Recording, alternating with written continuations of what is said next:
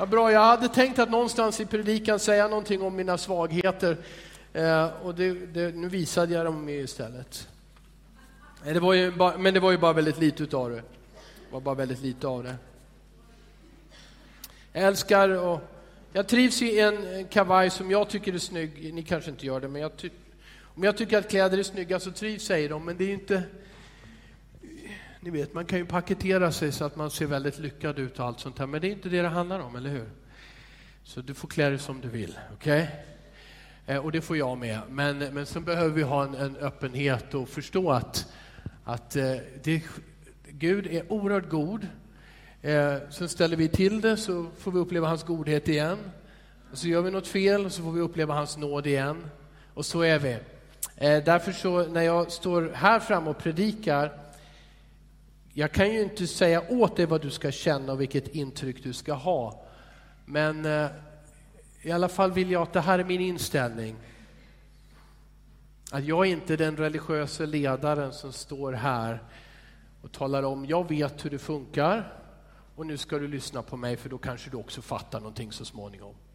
Förstår du? Det, det, det, det blir vad fel det blir. Vi ska precis läsa ett bibelställe om, om sånt här ur Markus kapitel 7. Vi ska inte läsa det ännu, men eh, vad fel det blir eh, när man utvecklar en, en, eller skapar en sån bild och ett sånt intryck. Det är nämligen så att inledningen på kapitel 7 i Markus evangeliet, jag brukar tycka om att predika serier ur Bibeln och jag gör det även idag. Jag fortsätter eh, där jag avslutade. Inledningen på kapitel 7 är liksom en riktig glädjedödare. En glädjedödare. Eh, den tar oss från kapitel 6 då ett helt enormt eh, under har skett. Eh, ur, ur, ur, eh, ur några fiskar och bröd så har Jesus eh, bara tackat Gud och så plötsligt var det fisk och bröd för, för 15, 20, 30 000 människor. Alltså det, det är ett mirakel som är så stort och så helt otroligt. Och, och sen när vi läser hur det fortsätter så, så kommer människorna med, med sina sjuka till Jesus. Alltså det kommer ännu flera tusen och de lägger dem överallt och bara, bara de får röra vid honom och de blir friska. Det, det sker helt fantastiska saker. Men glädjedödaren här i kapitel 7 är att det kommer några religiösa ledare, några experter ifrån huvudstaden. Och de kommer alltså från Jerusalem. Och vet ni vad de frågar, eller vad de säger? Jesus, dina lärjungar, vi såg inte att de tvättade händerna innan de åt. Ja, det har mer eller mindre fallit brödkakor ifrån himlen i tusental och dessutom fiskar. Och folk har bara glatt sig och ätit. Men några har märkt att de tvättade inte händerna innan. Och det vill de nu prata med Jesus om. För de här lirarna, de har för länge sedan bestämt sig för att Jesus är fel. Jesus är dessutom farlig för oss, för vårt religiösa system. Och enligt Johannes evangeliet 5 och 18 så hade de redan bestämt sig för att döda honom, det vill säga nu nagelfar de allt han gör och säger och de som finns runt honom för att hitta anledningar att fälla honom för på en legitim grund. Och eh, att hitta en legitim grund att fälla Jesus, det var inte svårt för dem. För de hade lagar på lagar på lagar. Du tycker, några av er tycker att Bibeln är tjock och lång och tar lång tid att läsa igenom. Då ska du vända dig till Talmud. Då ska du vända dig till olika judiska kommentar eh, kommentarer som förklarar Bibeln. Som talar om hur ska den här lagen förstås och omsättas och så ger en massa, massa, massa, massa, massa exempel och eventualiteter för det. Där har du en tjock bok att läsa. Och det är omöjligt, visar det sig även för Jesus, att inte bryta mot dessa. En sån oerhörd glädje, men så kommer de in med glädjedödaren och vill diskutera religiösa riter kring hur man äter och renlighet. Vi läser så här i Markus kapitel 7, de första två verserna. Fariseerna och några skriftlärda som hade kommit från Jerusalem samlades runt honom. De hade sett att några av hans lärjungar åt med orena händer, alltså utan att ha tvättat dem. Det kommer följa en förklaring här som vi ska läsa sen också. Eh, om de här, ren och malhets, de här matreglerna och renhetsreglerna. Men det är klart man måste ställa frågan i predikan i Pingstkyrkan år 2020. Vad har det här med oss att göra? Är det dags att somna nu tills Kalle är färdig? Måste han prata om mat just nu och att tvätta händerna? Är inte detta bibelställe lite överflödigt så att säga? Nej, det är det inte. Det är nämligen så att, ah, som det visar sig, Jesus kommer att ur den här diskussionen lyfta fram en princip som gör att det här är jätterelevant för våra liv och för vår vardag. Den enkla sanningen kanske kan formuleras så här. All hållbar förändring börjar i vårt inre och det börjar med Jesus. Jag uteslöt nu precis allting annat. Det var exklusivt det här. All förändring som ska hålla i sig, positiv förändring, den börjar inuti, inte utanpå. Och den börjar med Jesus. Inifrån och ut. Tack. Allt utanpå verk, alla regler, alla metoder att förändra oss, förbättra oss, de bleknar, de blir oviktiga i jämförelse med vad Jesus kan göra i djupet av våra hjärtan. Så varför är du här idag? Jag tror att du är här för att du bryr dig om din relation till Gud. Jag tror att du är här för att du vill satsa på det som du upplever, det här är viktigt eller det viktigaste i livet. Både här på jorden och i evigheten. Eller så kanske du är här i kyrkan idag för du vill undersöka, är det här någonting att satsa på? Är det någonting som är värt att ta vara på? Jag vill säga att det är det. Alla människor, nämligen, och jag tror så, kämpar med att bli accepterade och med att acceptera sig själva. Vi undrar, duger jag? Satte du på dig rätt kläder när du kom till kyrkan? olika andra sammanhang. Har du satt på dig rätt kläder eller råkade det bli fel? Tog du i, blev du lite för fin eller lite för slarvigt klädd? Det är jättesvårt, eller hur? Kommer man till nya sammanhang är det oj, oj, oj, vad svårt. Vad är rätt? Dug, duger jag? Passar det här? Eh, duger, om man går i skolan så är det väl ofta som man tänker, duger mina betyg? Räcker min kunskap? Hur många har tänkt så här någon gång? om sig själv. Är jag tillräckligt intelligent och disciplinerad? Eller du kanske inte har ställt det som en fråga, du kanske har sagt här saknas det intelligens. Vad är min disciplin liksom? Ehm, du, du som är chef på ditt arbete kanske undrar, har jag verkligen vad det krävs för att vara chef på det här stället? Är jag sån som jag borde vara? Tycker, tycker människor om mig eh, tycker de om mitt utseende? Stämmer mitt utseende, min personlighet? Allra viktigast, tycker jag om mig själv? Accepterar jag mig själv? Någonstans när man är äldre än vad jag är just nu, när man blickar tillbaka på föräldraskap, yrkesliv, jorden runt-resa mellan 65 och 75 eller 80. När allt det där ligger bakom oss då kanske också frågan kommer, den kan ju komma tidigare, men ofta senast då, räcker jag till för eh, himlen? Om Gud finns? Duger jag? Är jag accepterad? Alltså, som förälder var jag sådär. Arbetet, ja det gick ibland bättre men ibland sämre. Ja, det var roligt att resa ett tag men sen blev det rätt så meningslöst efter ett tag. Nu när mitt liv ligger bakom mig, Gud, eh, räcker det här till? Jesus ger ju ett svar då på en fråga om, om judiska renlighetsregler. Men när han gör det så kommer han att rikta fokuset, inte på vilket sätt du har tvättat händerna på och med hur mycket vatten. Utan han kommer rikta, rikta in sig på det som är det väsentliga här. Hur vet jag att jag duger?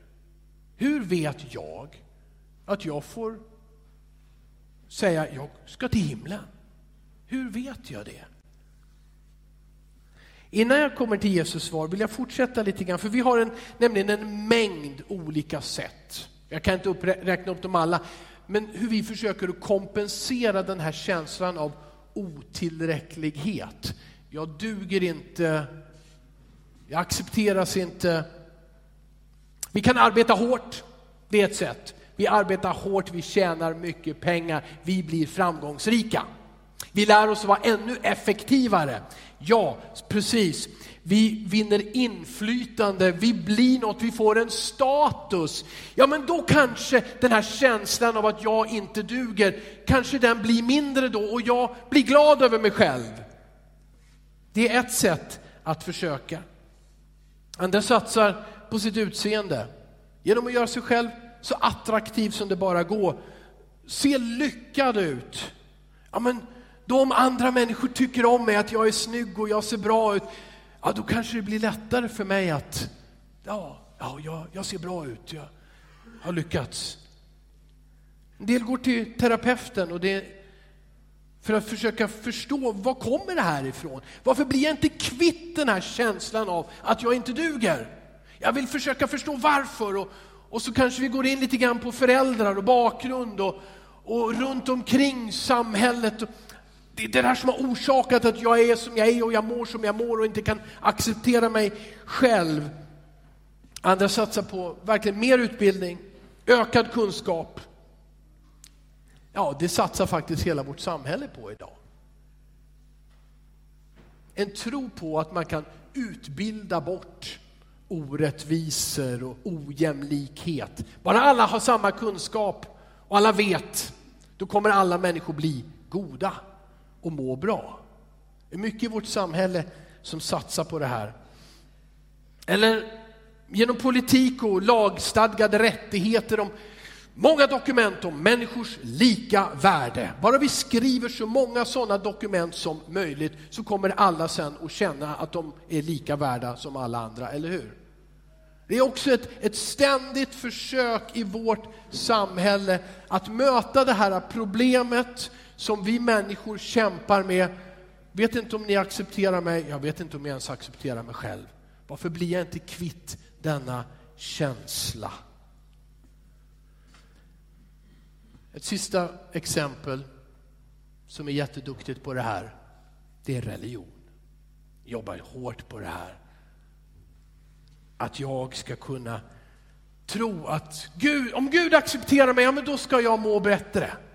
Så om jag gör det här, om jag, om jag ger bort lite pengar, om jag hjälper de fattiga, om jag gör de här sakerna, liksom, om, jag, om jag avstår från att äta någonting, om jag, om, jag, om jag går till kyrkan väldigt ofta.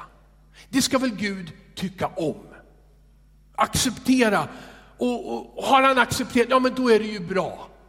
Då, då, då kommer jag ju i alla fall till himlen jobba på övningar och öka medvetenheten för att kunna godkänna sig själv. Jag ska bara dricka lite vatten. Och så ska jag säga,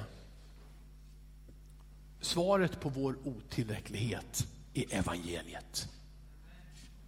Svaret på vår otillräcklighet som fakta och också känslan av otillräcklighet är evangeliet från Jesus. Det först så ger det oss rätt diagnos. Romarbrevet 3 och 10 säger ingen rättfärdig finns. Och precis när någon ville protestera och säga, ja men vänta, vänta, vänta, då säger han inte en enda. Ingen rättfärdig finns, skriver Paulus och citerar Gamla Testamentet. Inte en enda. Känslan av otillräcklighet finns hos alla människor för att någonting inte stämmer i grund och botten.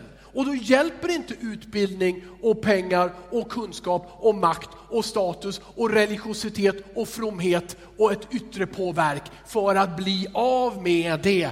För grundfelet eller grundskadan finns redan där. Paulus fortsätter i Romarbrevet kapitel 3, vers 23. Alla har syndat och gått miste om härligheten från Gud. Så enkel lyder Bibelns diagnos. Ingen är perfekt. Ja, men det visste du ju också. Ja, precis. Eller hur? Du vet ju att du inte är perfekt, att jag inte är perfekt, att ingen är perfekt. Ja, men det är ju det Bibeln säger, fast med andra ord. Alla har syndat. Alla har gått miste om härligheten från Gud. Ja, visst. Det finns väl ingen, vi kan ta en handuppräckning, det finns väl ingen här ibland oss som från början av livet när vi var små men började bli medvetna tills dess att vi dör, varje dag lever och vet Gud är här och jag pratar med honom och han med mig och Guds härlighet är här. Det finns väl ingen, nej, det är sant vad Bibeln konstaterar nyktert och klart. Alla har syndat, alla har gått miste om härligheten från Gud. Det är basic knowledge men det är svårt ändå för ett människohjärta att acceptera det. För det borde väl ändå finnas någon metod för mig att förbättra mig, att presentera mig inför människor och Gud som gör att de säger Bra Kalle, du är okej. Okay. Du är inte perfekt, men du är okej. Okay. Du är tillräckligt bra. Det finns en längtan i oss att kunna säga så. Men Bibeln säger att också det är synd. Och orsakat av synden. För det handlar om en längtan att vara oberoende. Ja, nu har jag vad jag har, jag kan det här, jag fixar det. Nej, ni behöver inte hjälpa mig, jag klarar det här själv. Tack, tack, det är bra. Jag vet, det är bra att du finns Gud, för det finns många svaga människor där ute i världen. De behöver dig, men jag har mitt på det torra. Jag fixar det här. Och det ger en sån god känsla inom mig att få säga det som människa. Jag är lyckad, jag har klarat det. Ingen behövde hjälpa mig. Men Bibeln säger lika rakt och klart där, det där är en del av synden, för den drar dig bort ifrån Gud. men Gud vill att du ska komma till honom. Johannes 3 och 16 sjöng vi, så älskade Gud världen att han gav den sin enda son. För att var och en som tror på honom inte ska gå förlorad utan ha evigt liv. Vi som kristna, vi kommer till Gud, jag hoppas det, vi vill det. Vi kommer till Gud, inte tack vare vad vi har åstadkommit, utan tack vare vad han har gjort för oss. Han tog vår svaghet, han tog vår synd på sig, han bar vårt straff på korset. Genom att tro på Jesus så dras ett streck över vår skuld. Den utplånas och så får vi nya kläder av Gud. Vi får Jesu rättfärdighet att klä på oss. Inte vår egen präktighet och rättfärdighet, men hans rättfärdighet som en gåva, som ett utbyte. Romarbrevet 5 och 8 säger, Gud bevisar sin kärlek till oss genom att Kristus dog för oss medan vi ännu var syndare. Medan vi inte hade en aning snurrade omkring, försökte på vårt sätt, gjorde vårt bästa, var både lite religiösa och lite kapitalistiska och försökte med det och det andra. Medan vi gjorde det så dog han på ett kors. För Gud älskar oss. Han älskar dig. Och där är hela kärnan. Jag ska snart läsa bibelstället. Men där är det.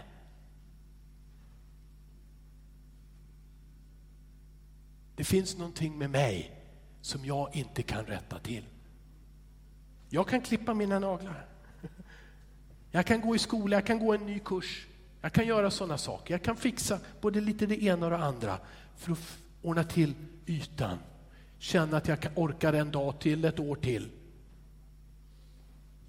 Men det finns någonting som du och jag står helt hjälplösa inför. det är hur vi ordnar till hjärtat, samvetet, tankarna, känslorna som springer iväg. Känslan av att det duger inte till. Vad du än försöker, det räcker inte. Men det botas i det ögonblick som vårt hjärtas ögon öppnas för att han som har skapat oss, han älskar oss. Och han står inte och säger kom så ska du få lite straff och sen ska jag rätta till dig och så ska jag älska dig. Straffet tog han på sig för 2000 år sedan. Han tog det på sig. Din otillgänglighet, din otillräcklighet, dina svagheter, din synd. Han tog det på sina axlar. Och vi som mänsklighet, vi korsfäste honom. Han älskade dig, han älskar mig. Han har gjort en väg och han är vägen till himlen. Jag måste ju läsa Markus också. Ni undrar väl varför kom du in på det här enkla temat? Fariseerna och alla andra judar, de äter nämligen ut, inte, ut, ah, förlåt, de äter nämligen inte utan att först tvätta händerna med en handfull vatten. Och det låter väl bra, men så står det de håller fast vid de äldstes stadgar. Det handlade inte om att ha rena händer ifrån att man hade varit ute och grävt i, i trädgården, det, vilket är väldigt nyttigt, det är viktigt att tvätta händerna. Eh, men det handlade om att eh, man trodde att jag behöver bli, mina händer bli, behöver bli rena. Okej? Okay? Och, och sen så står det här om när man kommer tillbaka från torget. Eh, det är en vers senare, vi läser den också. Eh, de håller fast vid de äldste stadgar. Vers 4. När de kommer från torget äter de inte utan först har tvättat sig. Det finns många andra traditioner som de håller fast vid, som att skölja bägare, kannor och kopparkärl. Okej, okay. en gång till. Vet ni hur mycket man har skrivit i Talmud om att göra ren disken? Hur mycket behöver man skriva om att diska? Det finns 30 kapitel i Talmud om hur man diskar rätt. För att man verkligen ska göra det på rätt sätt och allt ska bli rätt. Och det handlar inte om att det är rent utan att det är rituellt rent, att Gud också tycker att kastrullen är ren. Och händerna, där har du, där har du judisk också folktro, det finns ju folktro i våra trakter också, blandas gärna upp med det som vi tror på. Och den judiska folktron var så att när du ligger och sover på natten, då kommer det en liten demon. Och han sätter sig på dina händer och därför så måste du när du vaknar tvätta bort det om du vill vara rättfärdig. För vad kan annars hända när du äter? Jo, du äter inte bara en smörgås till frukost, utan du äter en demon och så blir du besatt. Så det var väldigt viktigt att tvätta sig rätt. Och nu stämmer det, det var en handfull vatten här när man hade, hade varit någonstans, men när man hade varit på torget, vad hände då? Jo, på torget, vem fanns där? Det fanns massor med människor.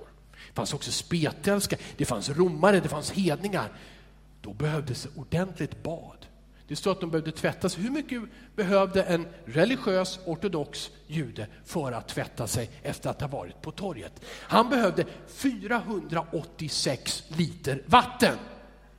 400, ett, 486 liter vatten Därför så kunde de rika judarna gärna bygga en liten bassäng i källaren. Och det är ju trevligt, men det var inte för att simma utan den är precis så lagom stor för att du skulle kunna döpa dig själv varje dag och om det var nödvändigt flera gånger om dagen, bli döpt så att du verkligen var ren.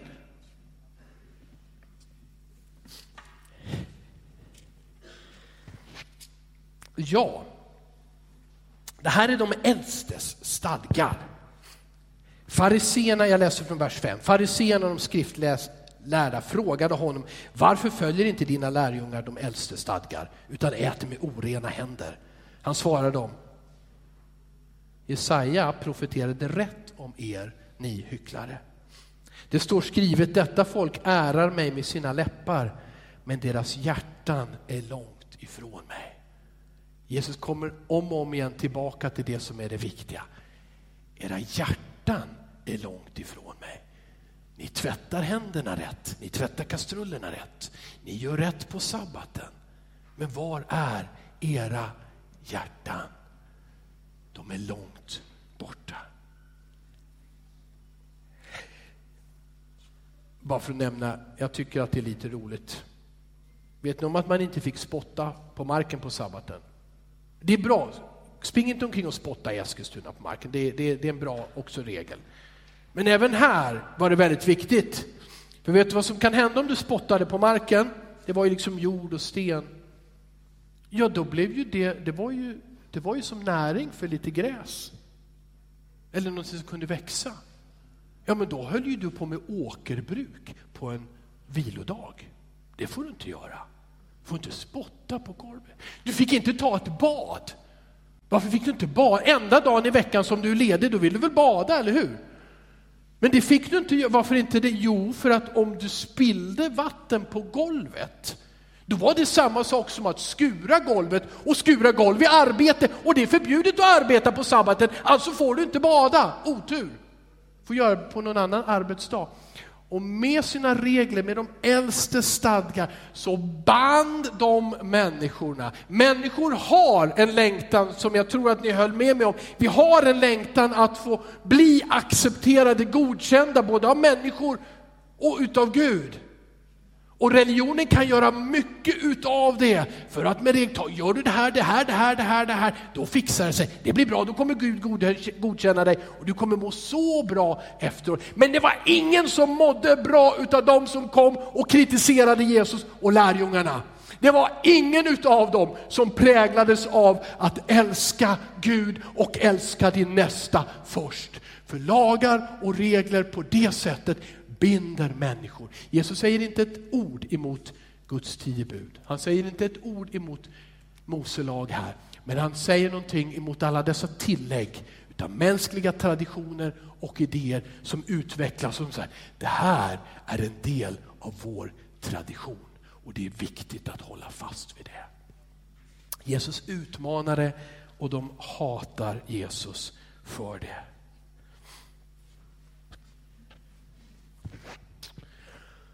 Så för oss är det så här att Gud är inte intresserad av att vi sjunger sånger här om inte våra hjärtan tillhör honom.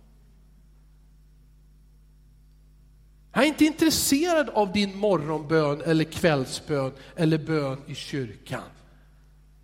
Om det inte är från hjärtat. Han är inte intresserad av att du hjälper den där och honom där och ordnar rättfärdighet åt orättvisa system där. Om inte hjärtat är med dig, det är inte att det är fel att hjälpa andra. Gud vill ju att du ska hjälpa andra. Han vill ju att du ska göra rätt. Men det är inte så att det får till din acceptans. Att det lägger till någonting på din meritlista som gör att nu har du blivit tillräckligt bra gumman.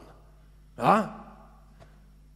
Det, det förändrar ingenting. Det enda som förändrar någonting på ett sånt sätt att det förblir och att det växer någonting äkta, det är att det får gå inifrån och ut.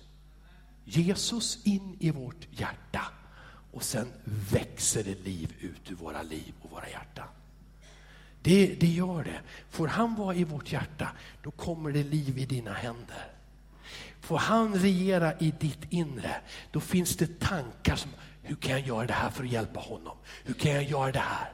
Det väcker en längtan, en kreativitet, en kraft, en uthållighet att göra det som är gott. Och det vill Gud absolut att vi gör, men inte för att presentera oss själva som acceptabla, utan som älskade människor som han har gett sitt liv för. Vill han genom oss, genom dig och mig, låta godhet spridas runt. Amen.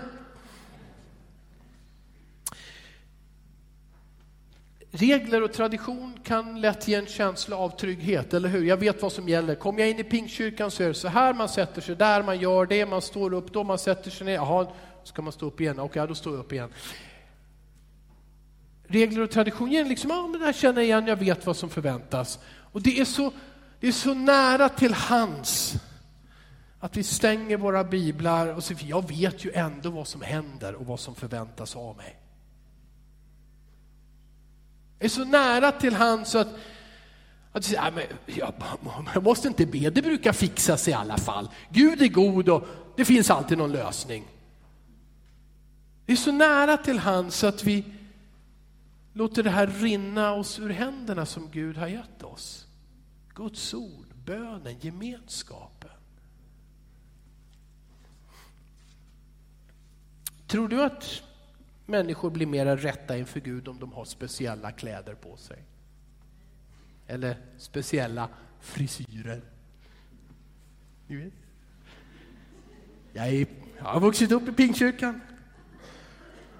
Eller avstå från smink, blir, man, blir Gud glad då? Full respekt för ditt val. Hur du klär dig, om du sminkar dig eller inte, absolut. Men jag tror att Jesus har ett problem med när vi säger det här är nu en lag och en regel som gäller för alla. För att de som bär smink och har kort hår och såna här eh, jeans med hål i, de vill Gud inte välsigna. Kan vi få bonuspoäng om vi går och knackar på många dörrar och berättar för dem om Jesus? Genom att dela ut så många traktater som möjligt. Kan vi få bonuspoäng då? Tror du att om du ber tre Fader vår och fem Ave Maria så minskar din skuld? Har du fått höra det i bikten? Om du gör det här så minskar, och dessutom du minskar inte bara din skuld, utan du minskar också din tid i skärselden.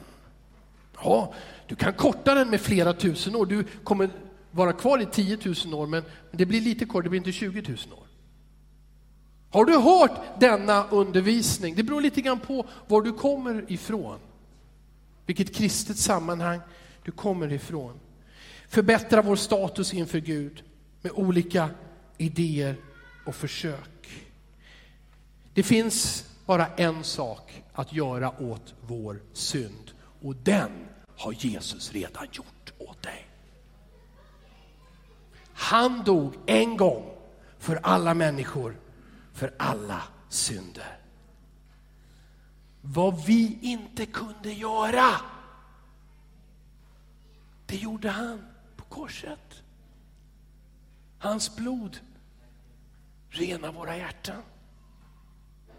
Inte våra gärningar, inte våra försök att vara så bra som möjligt och fel, eller felfria.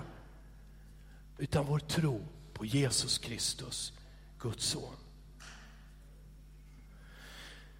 Vers 14. Jesus kallade till sig folket igen. Låt mig bara göra uppmärksamma på vad som händer. Det var massor med folk där. Nu kommer de här som har en kritisk fråga. De tränger folket åt sidan. Du, vi har en viktig fråga Jesus. Det gäller handtvättningen. Men nu vänder sig Jesus, när han verkligen ger sitt svar, så svarar han inte fariseerna. Varför gör han inte det? För han vet att de har bestämt sig för, vår tradition är viktigare än du Jesus. Vad du har att säga, det får vara, du, får hjälpa, du får göra människor friska, gör det, så hårt. Du får, du får samla folk, det är okej. Okay. Men du ifrågasätter våra traditioner och det är inte okej. Okay. Och därför så vänder sig inte Jesus i sitt svar direkt till fariseerna, utan han kallar igen folket till sig. De där som inte visste så mycket, som inte kunde så mycket, som inte gjorde allting rätt. Och så säger han, inget som går in i människan utifrån kan göra henne oren.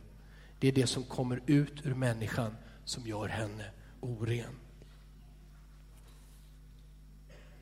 Gud vill att förändringen kommer inifrån och ut. Han vill förvandla våra hjärtan och därigenom förvandla våra liv.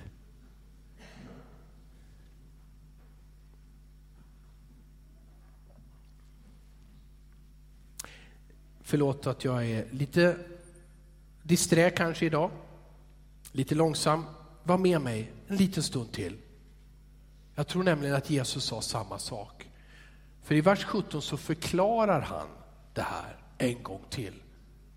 Han är också förvånad över lärjungarna som inte förstod. Och det här säger mig att när Markus har valt att ha med det här och ha med Jesu förklaring, då är det här jättecentralt. Hur enkelt och banalt eller vad det än är, så är det här superviktigt. Så i vers 17, så, när han hade lämnat folket och kommit inomhus frågade hans lärjungar honom om liknelsen. Han svarade dem, så ni förstår inte heller. Inser ni inte att inget som går in i människa utifrån kan göra henne oren eftersom det inte går in i hennes hjärta utan det går ner i magen och ut på avträdet.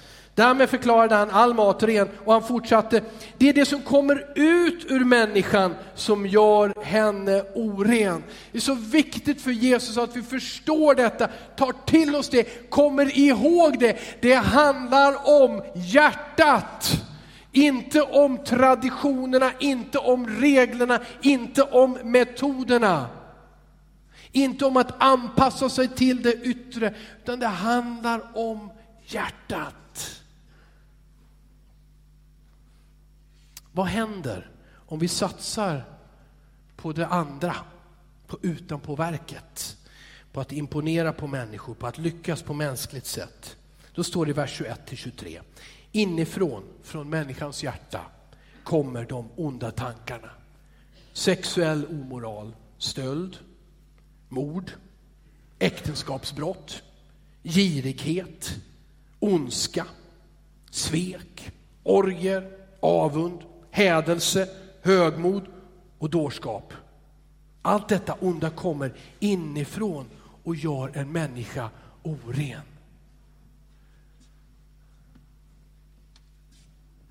Ja, men är det inte, är det inte de andras fel? Förstår inte Jesus om min uppväxt var svår? Jo. Ser inte Jesus att mina föräldrar inte gav mig den trygghet jag behövde? Jo.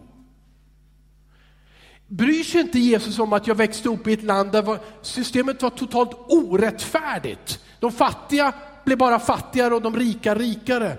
Jo, han ser det. Han vill verka emot det. Men han säger inte, ja, därför är du ursäktad. Du var så fattig, du visste ingenting. Det var inte ditt fel, det var mammas och pappas fel. Det var deras fel, det var systemet, samhället, vad som helst. Du fick ju inte utbildningen, ja, det är deras, i skolans fel, lärarna fanns där men de kunde inte, visste inte hur de skulle undervisa dig, det är deras fel. Jesus säger aldrig det, utan han säger, det kommer ifrån hjärtat, allt detta otäcka som han berättar om. Det kommer ifrån hjärtat och därför så måste vi ge våra hjärtan till Jesus. Och jag avslutar med några verser ur Titus kapitel 3, vers 4. Titus kapitel 3, vers 4. När Gud, vår frälsare, uppenbarade sin godhet och kärlek till oss människor, så frälste han oss, inte för rättfärdiga gärningar som vi hade gjort, utan på grund av sin barmhärtighet. Han frälste oss genom ett bad till ny födelse och förnyelse i den heliga ande. Han talar om ett nytt hjärta, en ny födelse. Som han, han utgöt rikligt den heliga ande över oss genom Jesus Kristus vår frälsare. För att vi ska stå rättfärdiga genom hans nåd och bli arvingar med hopp om evigt liv. Nu kan du jubla antingen över att predikan är nästan färdig eller att det är som det är. Att genom Jesus så är du rättfärdig och ren. Om du glömde att tvätta händerna eller inte. Han har gjort dig ren. Och ja, det är sant, det fanns bibelverser om vredesdom och straff och det kan vi inte förminska. Men det drabbar inte den som tar emot Jesus. Det drabbade korset i full kraft och det drabbar de människor som vägrar av olika grunder att ta emot evangeliet. Men du som säger ja i ditt hjärta, jag bygger inte på min egen rättfärdighet, traditionerna om eller inte. Jag bygger på att Jesus är min Herre och min frälsare. Du är fri från all synd. Han har förlåtit dig och gjort dig ren. Han har fyllt dig med den helige Ande och han leder dig. Och utifrån detta är det som en liten blomma, eller vad som, ja någon, vi tar en blomma då, som växer. Den bara kan inte annat än att växa. Men vårda den, vårda den. Tappa inte kontakten. Få inte för dig att du är oberoende igen. Gå med Gud med Jesus som din Herre i ditt hjärta och ditt liv. Och du kan inte annat än att växa. Och du blir till en välsignelse. Och du kommer att veta, jag är accepterad. Jag får älska mig själv. För han har älskat mig och gett sitt liv för mig. Tack Jesus för att jag är okej. Okay. Så här vill jag fortsätta att leva mitt liv. Vi lyssnar till en sång innan vi firar nattvard tillsammans.